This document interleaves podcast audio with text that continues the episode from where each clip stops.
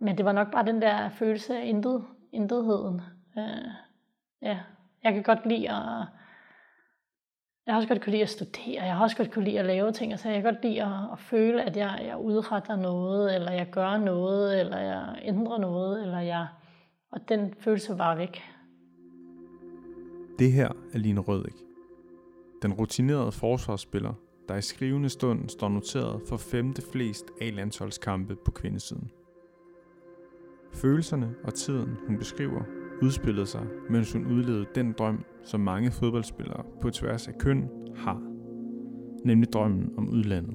Jamen for mange, og vel også for mig selv, og der var det jo altid den, eller det er og var den drøm der at spille i udlandet. Det lyder jo fantastisk. For eksempel spillet i Barcelona, bo i Barcelona, bo i Amsterdam. Jeg har boet i nogle lækre byer og spillet for nogle fantastiske klubber også. Øh, og det er jo en drøm. Men, for der er et men. For Line Rødøk udviklede drømmeskiftet til en af verdens største fodboldklubber sig ikke, som hun havde håbet på. Skaderne fyldte mere end spilletiden, og som hovedpersonen selv udtrykker det, forsvandt hun væk i skaderne. Og der blev hun ramt og kunne pludselig ikke genkende sig selv. Jeg er en fodboldspiller. Jeg, jeg er taget til Barcelona, jeg er taget derned for at spille fodbold. Og det eneste, jeg ikke kan, er at spille fodbold. Og så kan man få lidt den der, jamen, når men altså, hvad, hvad kan jeg så? Eller hvad, hvad, hvad gør jeg så? Det var ikke mig. Men, men det var blevet mig lige pludselig. Og det, ja, jeg var forsvundet væk i den der øh, skade og øh, intethed. Da det var værst, ønskede Line Rødæk sig hjem. Hun ville bare væk. Ud af intetheden. Og det er blandt andet det, den her udsendelse handler om. Om, hvordan man integrerer sig og lever uden for banen, når man rejser selv ud og udlever udenlandsdrømmen. Både når det lykkes, og når det ikke gør. For i Barcelona oplevede hun begge dele. Historien om fodboldnomaden Line Rødæk, der har tilbragt knap et årti i udlandet, starter dog et helt andet sted. Langt væk fra Barcelona og Spanien. Mit navn er Michael her, og du lytter til Spillerforeningens podcast Spiller til Spiller, der bringes i samarbejde med Mediano. God fornøjelse.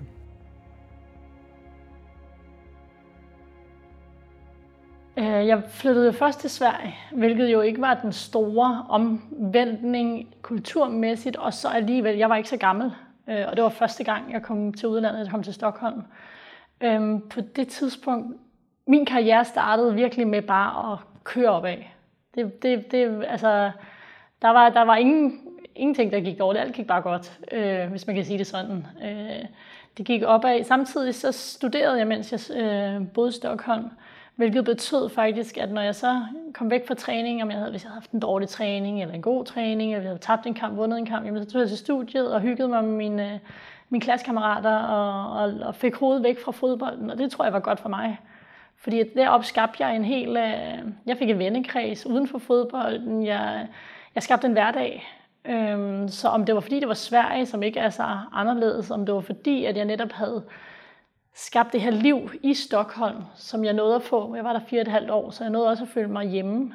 Øhm, så jeg følte ikke den der, jeg havde ikke den der øh, alene ensomhedsfølelse, som jeg har haft nogle af de andre steder. Øh, samtidig gik det jo også godt med fodbolden. Så det kan også godt være det, der gjorde, at, at jamen, det var jo let. Øhm, så kom jeg til Lyon, og jeg var der kun et halvt år. Øhm, øh, efter, var efter Sverige. Øhm, og der har jeg heller, husker jeg ikke, som jeg havde den der følelse heller øh, på samme måde. Men måske var det også, fordi det igen gik godt med fodbolden, og så nød jeg bare at være der. Øhm, for det for, al, for alvor noget, der ramte mig, da jeg øh, mit andet år i Barcelona, heller ikke det første. Det første år var et, øh, et, et vildt år, øhm, hvor jeg har aldrig spillet så mange kampe. Jeg har aldrig rejst så meget.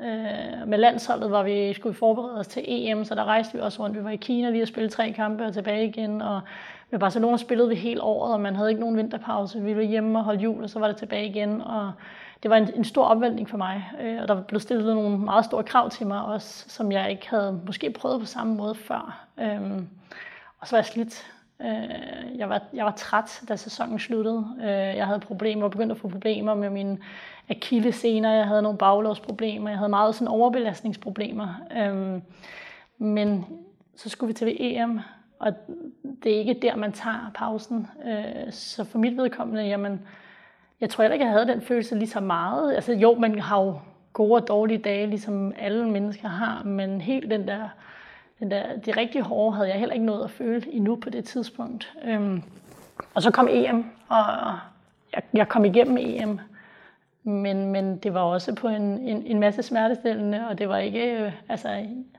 jeg var ikke 100% fit, som jeg havde ønsket, jeg havde været. Øh, men jeg var slidt, og, og jeg havde ondt.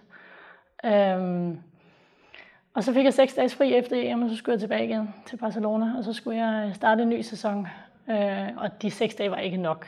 Men der var ikke, vi havde fået ny træner, og jeg skulle jo vise, at ja, jeg ville spille. Øhm, og sæsonen startede, og det gik fint et par måneder. Øhm, men så begyndte jeg at få problemer.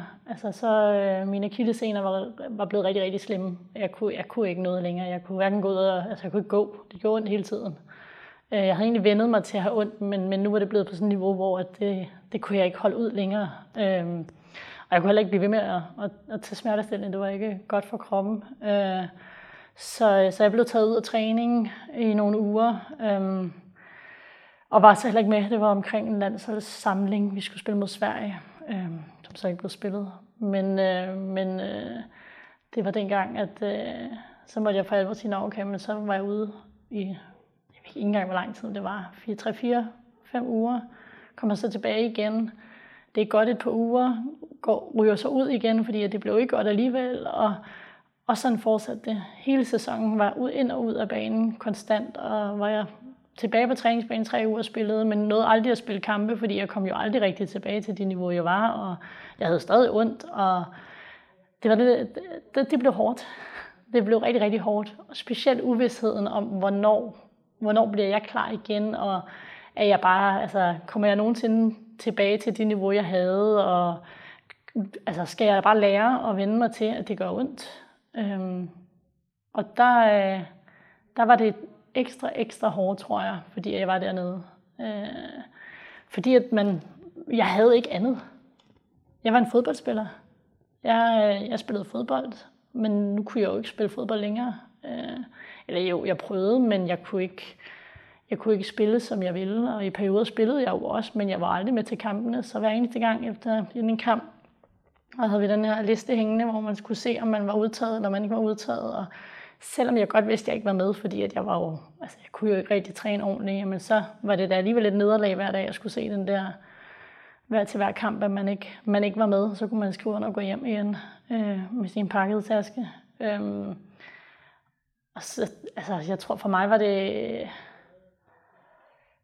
Men som sagt, det, man var alene. Altså, jeg havde da fået, jeg havde fået nogle gode veninder, der hjalp mig. Øh, faktisk nogle danske veninder nede i Barcelona, som hjalp mig. Der var nogen, og jeg havde jo også altid min familie og venner derhjemme, men de er bare ikke lige ved siden af. De er der ikke, når man tager til træning hver dag og egentlig hader det, fordi at man godt ved, at det bliver et langt helvede at komme igennem træningen, fordi det bare gør ondt. Øhm, så jeg tror, det var der, at det, altså, der ramte mig.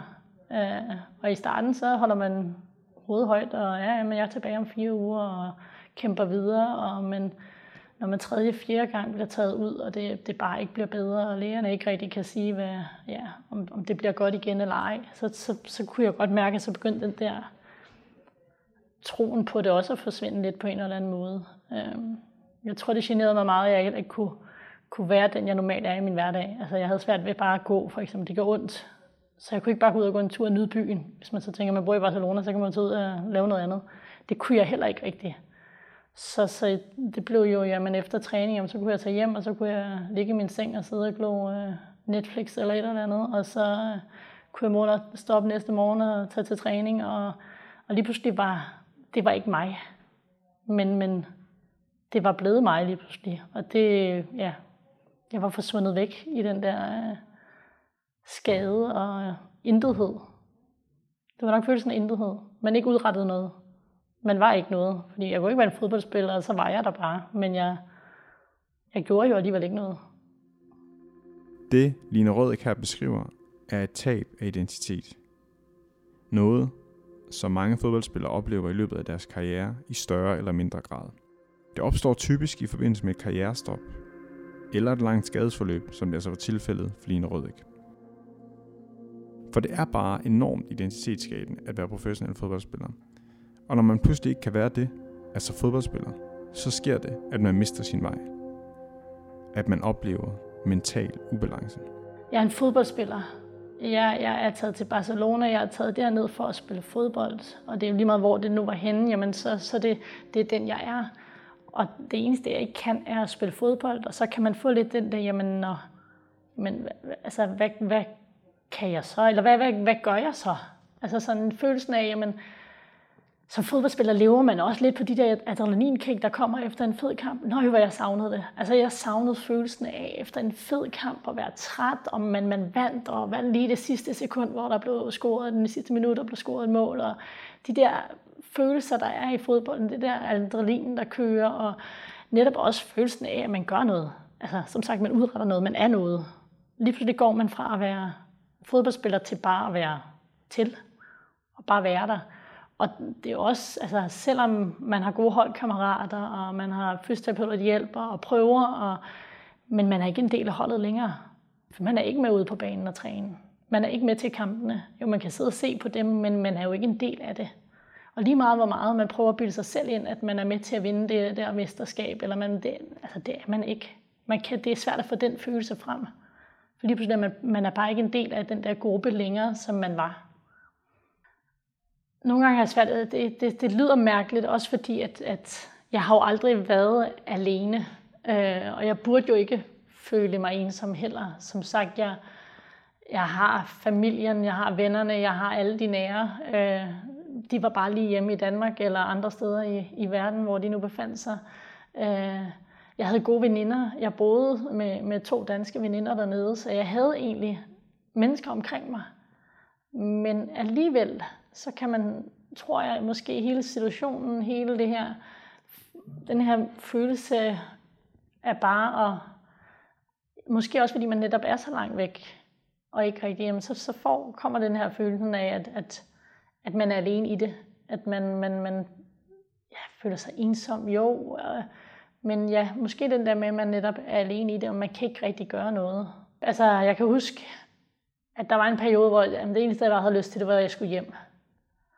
Øh, jeg havde faktisk en weekend, det var simpelthen så åndssvagt. Vi, øh, endnu en gang, så skulle vi udtages til kamp. Jeg vidste godt, jeg ikke skulle med, men, men det kunne man jo ikke regne med, fordi man vidste jo aldrig. Øh, um, og jeg skulle selvfølgelig så heller ikke med, øh, som jeg så derfor fik at vide om, om torsdagen. Men så faktisk endte det med, som jeg også der ikke skulle med, jamen så kunne vi faktisk få fri der fredag, lørdag, søndag.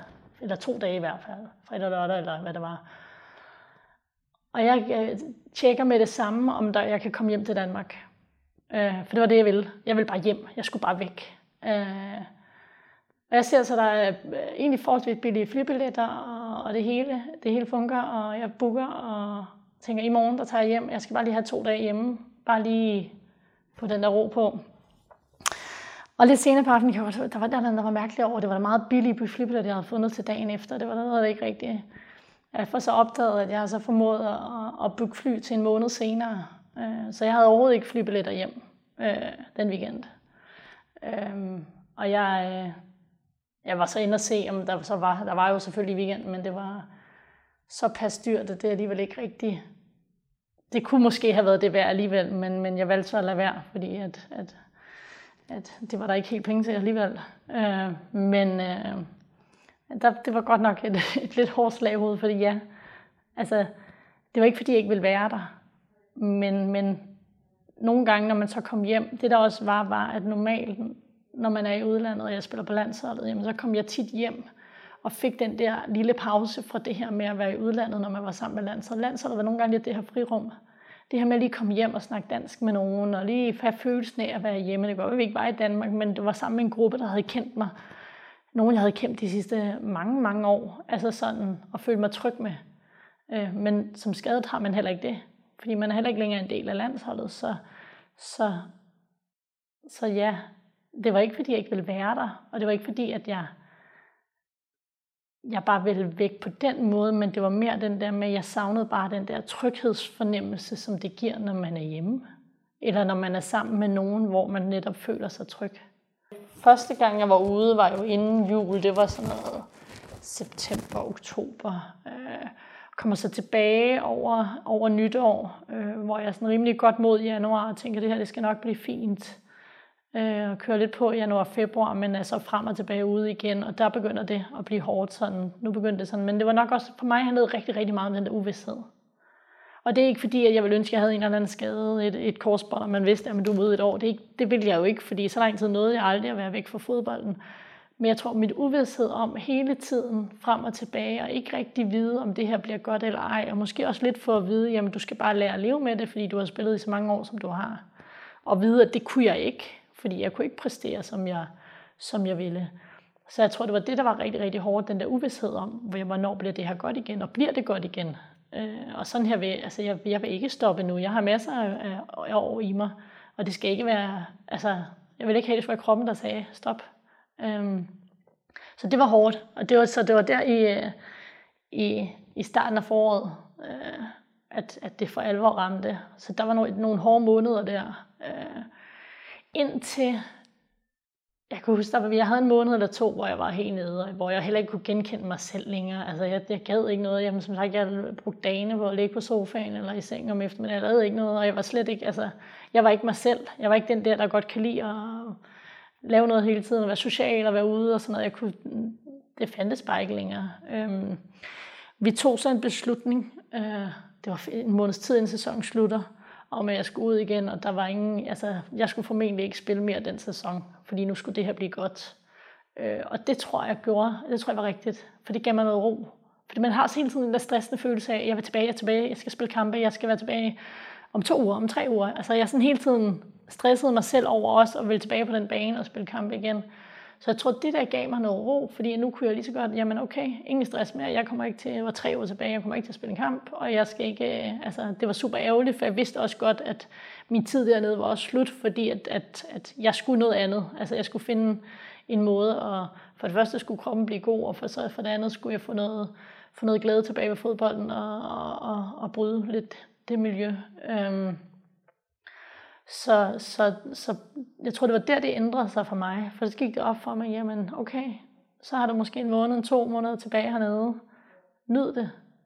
Nyd byen, nyd at være i udlandet, nyd at være i et sådan et sted som her, fordi der er mange, der drømmer om. I stedet for at se, hele tiden fokusere på det negative, og fokusere på det, du ikke kan. Øhm, og det hjælper. Og det hjælper at få lidt ro på, og netop ikke stresse. For det er nok det nogle gange også, man som fodboldspiller, så vil man bare, man skal bare tilbage på banen, og det skal gå så hurtigt som overhovedet muligt. Og det har været et af mine store problemer. Altså, jeg slet ikke, det med at være skadet og ikke være med, og misse kampe, og, og for klubberne, jamen de vil også gerne have der spiller tilbage. De vil jo heller ikke, altså så hurtigt som muligt, ja. Og sådan er det jo bare, sådan er gamet. Øhm, så det var vel der, det begyndte at, for mig at vende lidt, fordi jeg begyndte at acceptere, okay, det er sådan, landet ligger nu, at jeg kan ikke gøre så meget ved det, andet end at forsøge at nyde det, der så er godt i det. Øhm, og så var det jo, altså, så kom jeg hjem til Danmark den sommer, øh, fik noget rigtig, rigtig godt behandling, og måske fandt ud af, hvad der egentlig var problemet, som de så ikke lige måske havde, havde kunne se, og, og langsomt blev det bedre og bedre, og nu det er et år siden, og jeg har ikke mærket mine akillesene problemer i et helt år. Øh, så jeg har haft nogle andre skader og nogle andre problemer, men det har slet ikke været på samme måde. For der har ikke, der har ikke været den der uvidshed eller den der frygt for, at, at det ikke skulle blive godt igen. Øh, og måske har jeg også lært at håndtere det på en anden måde. Det ved jeg ikke. Line Rødik fandt ud af intetheden.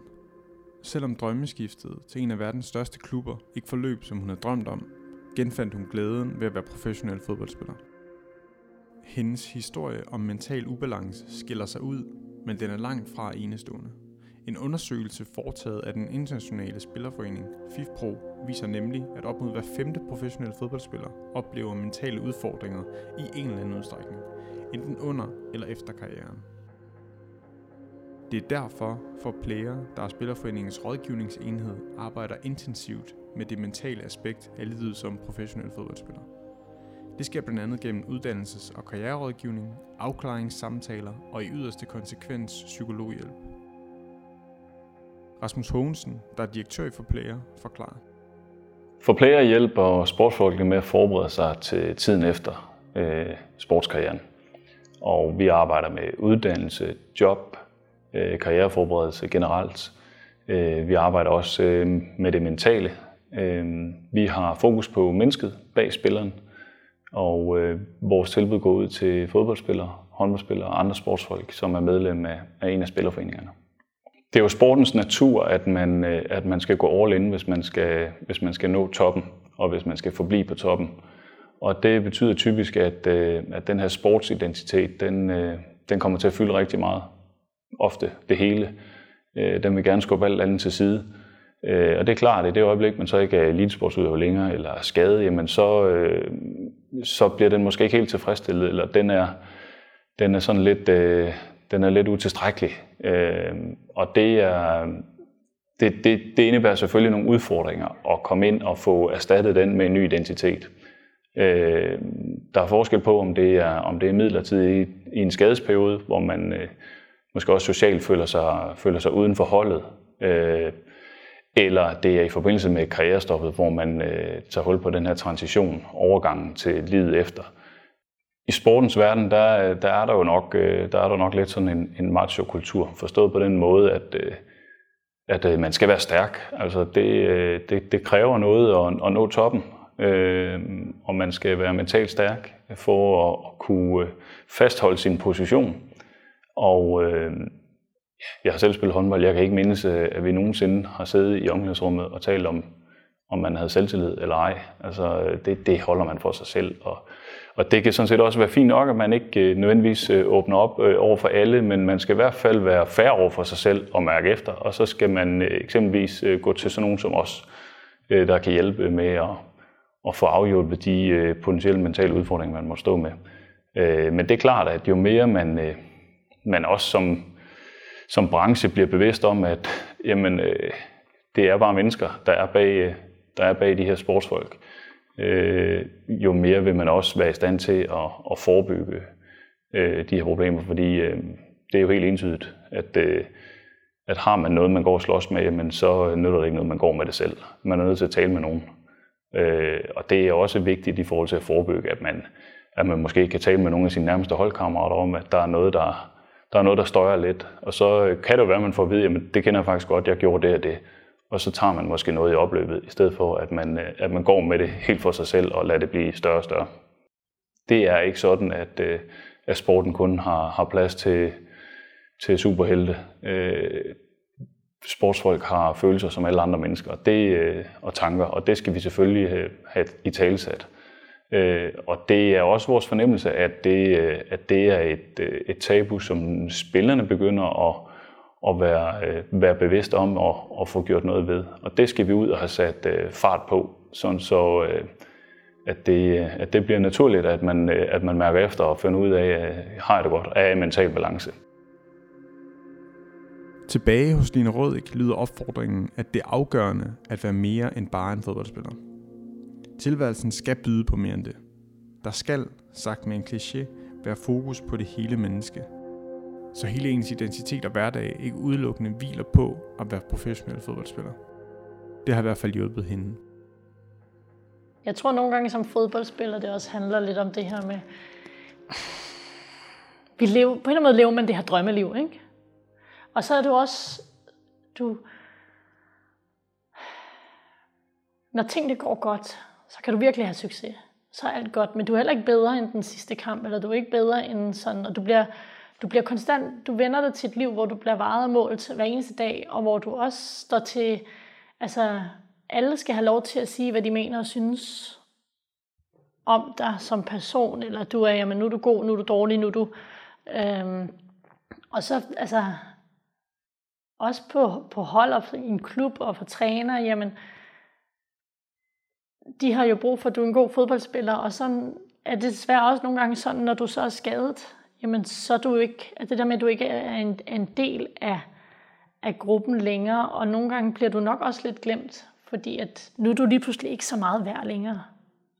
Fordi du er, jeg synes nogle gange, og det er også noget af det, som jeg selv tror, at jeg, som jeg vil prøve at se, hvordan jeg kan arbejde med at give tilbage fra mine erfaringer, det her med, at man glemmer nogle gange lidt det der hele menneske, som en fodboldspiller også er. du, du, du ser, hvad personen gør på banen, og så fokuserer man altid på det, og man, man, man, man, man glemmer lidt, ja, at der er så mange andre øh, ting bagved, og også, også altså, netop det der med, at jeg synes specielt det, når man bliver skadet, at jamen, så du ikke, du ikke længere. Jeg ved godt, at man prøver, og holdkammeraterne prøver at støtte og være søde, og, men, men, men du, du er lige pludselig bare ikke så vigtig længere. Fordi du, altså, du kan jo ikke give holdet det, du skulle, og du kan ikke yde på banen. Og nogle gange er man ikke altid et menneske, nogle gange er man en fodboldspiller, hvis jeg kan sige det sådan. Og jeg tror nogle gange, det er også det, der er farligt. Fordi at, at hvis man glemmer det der mennesket, og bare, fokus, altså bare er fodboldspilleren, jamen, når det så ikke går godt, så tror jeg, det kan være svært det her, jamen, hvad er jeg så? Altså, og, og man har været vant til altid at have succes som fodboldspiller, og når jeg så ikke har det, jamen, altså, så tror jeg også, den der ensomhed, den der, den der alene følelse, det er måske ikke, fordi man er alene eller ensom, men det er måske mere den der følelse af ikke rigtig sådan vide, hvad man, hvor man egentlig, altså, hvor, hvor skal man så få succes? Eller hvor skal man så få den der følelse, som fodbolden altid har givet dig? Øhm, det er også, altså, ja, jeg tror i hvert fald, det er noget, man kan, kan, kan bruge mere tid på, eller bare være mere opmærksom på. Men man lever også lidt i en fodboldboble, hvor man fokuserer på fodbolden og fokuserer på præstationerne på banen, og ikke altid er så god til at, at være opmærksom på de her ting. Øhm, men, men de findes jo også. Bare fordi man er fodboldspiller og udlandsprofessionel, og, så er det jo ikke altså, det er bestemt ikke lejende let. Øh, der er også en masse udfordringer. I Stockholm, der havde jeg studierne ved siden af. Så jeg havde noget der. Mm. Så helt sikkert, at jeg også havde hårde perioder i Stockholm, det havde jeg. Og jeg har også været skadet i Stockholm, men jeg husker det ikke. Fordi jeg tror altid, jamen så havde jeg noget andet, eller jeg havde en gruppe i, i øhm, Lyon var jeg så pas kort tid i, i Amsterdam nu. Jamen der fik jeg også et arbejde ved siden af. Jeg fik også nogle andre ting, og jeg havde en lidt anden hverdag der også, som også gjorde, at da jeg så blev skadet der, så, så havde jeg lige pludselig noget andet, jeg kunne fokusere på. Så derfor tror jeg, at jeg tror nemlig, det er vigtigt det her med, at man, man, man jamen, du er fodboldspiller, du skal være det, du er fodboldspiller 24-7, for det er man. Og, og, og du skal jo prioritere din fodbold og alt det der, men jeg tror, det er rigtig, rigtig sundt at have et eller andet. Det siger ikke, at man skal studere, eller man skal arbejde, men det kan også være en hobby. Det kan også være hvad som helst, men du ikke skaber hele din identitet, eller alt, hvad du laver, er at være en fodboldspiller. Fordi det var i hvert fald det, som gjorde, at jeg tror, at, var, at jeg havde den hårde periode, som jeg havde, fordi at lige på det tidspunkt havde jeg ikke andet. Så når fodbolden ikke var der, så var der ikke noget. Så jeg tror, det øh, som fodboldspiller, tror jeg, at man, man, man skal, skal selvfølgelig have, bruge al den tid, man vil på sin fodbold, og fokusere på det, og prioritere det og alting. Men jeg tror, det er super vigtigt at bare have noget så et eller andet. Det kan være ligegyldigt, hvad det er. Måske noget andet end bare se Netflix eller spille FIFA.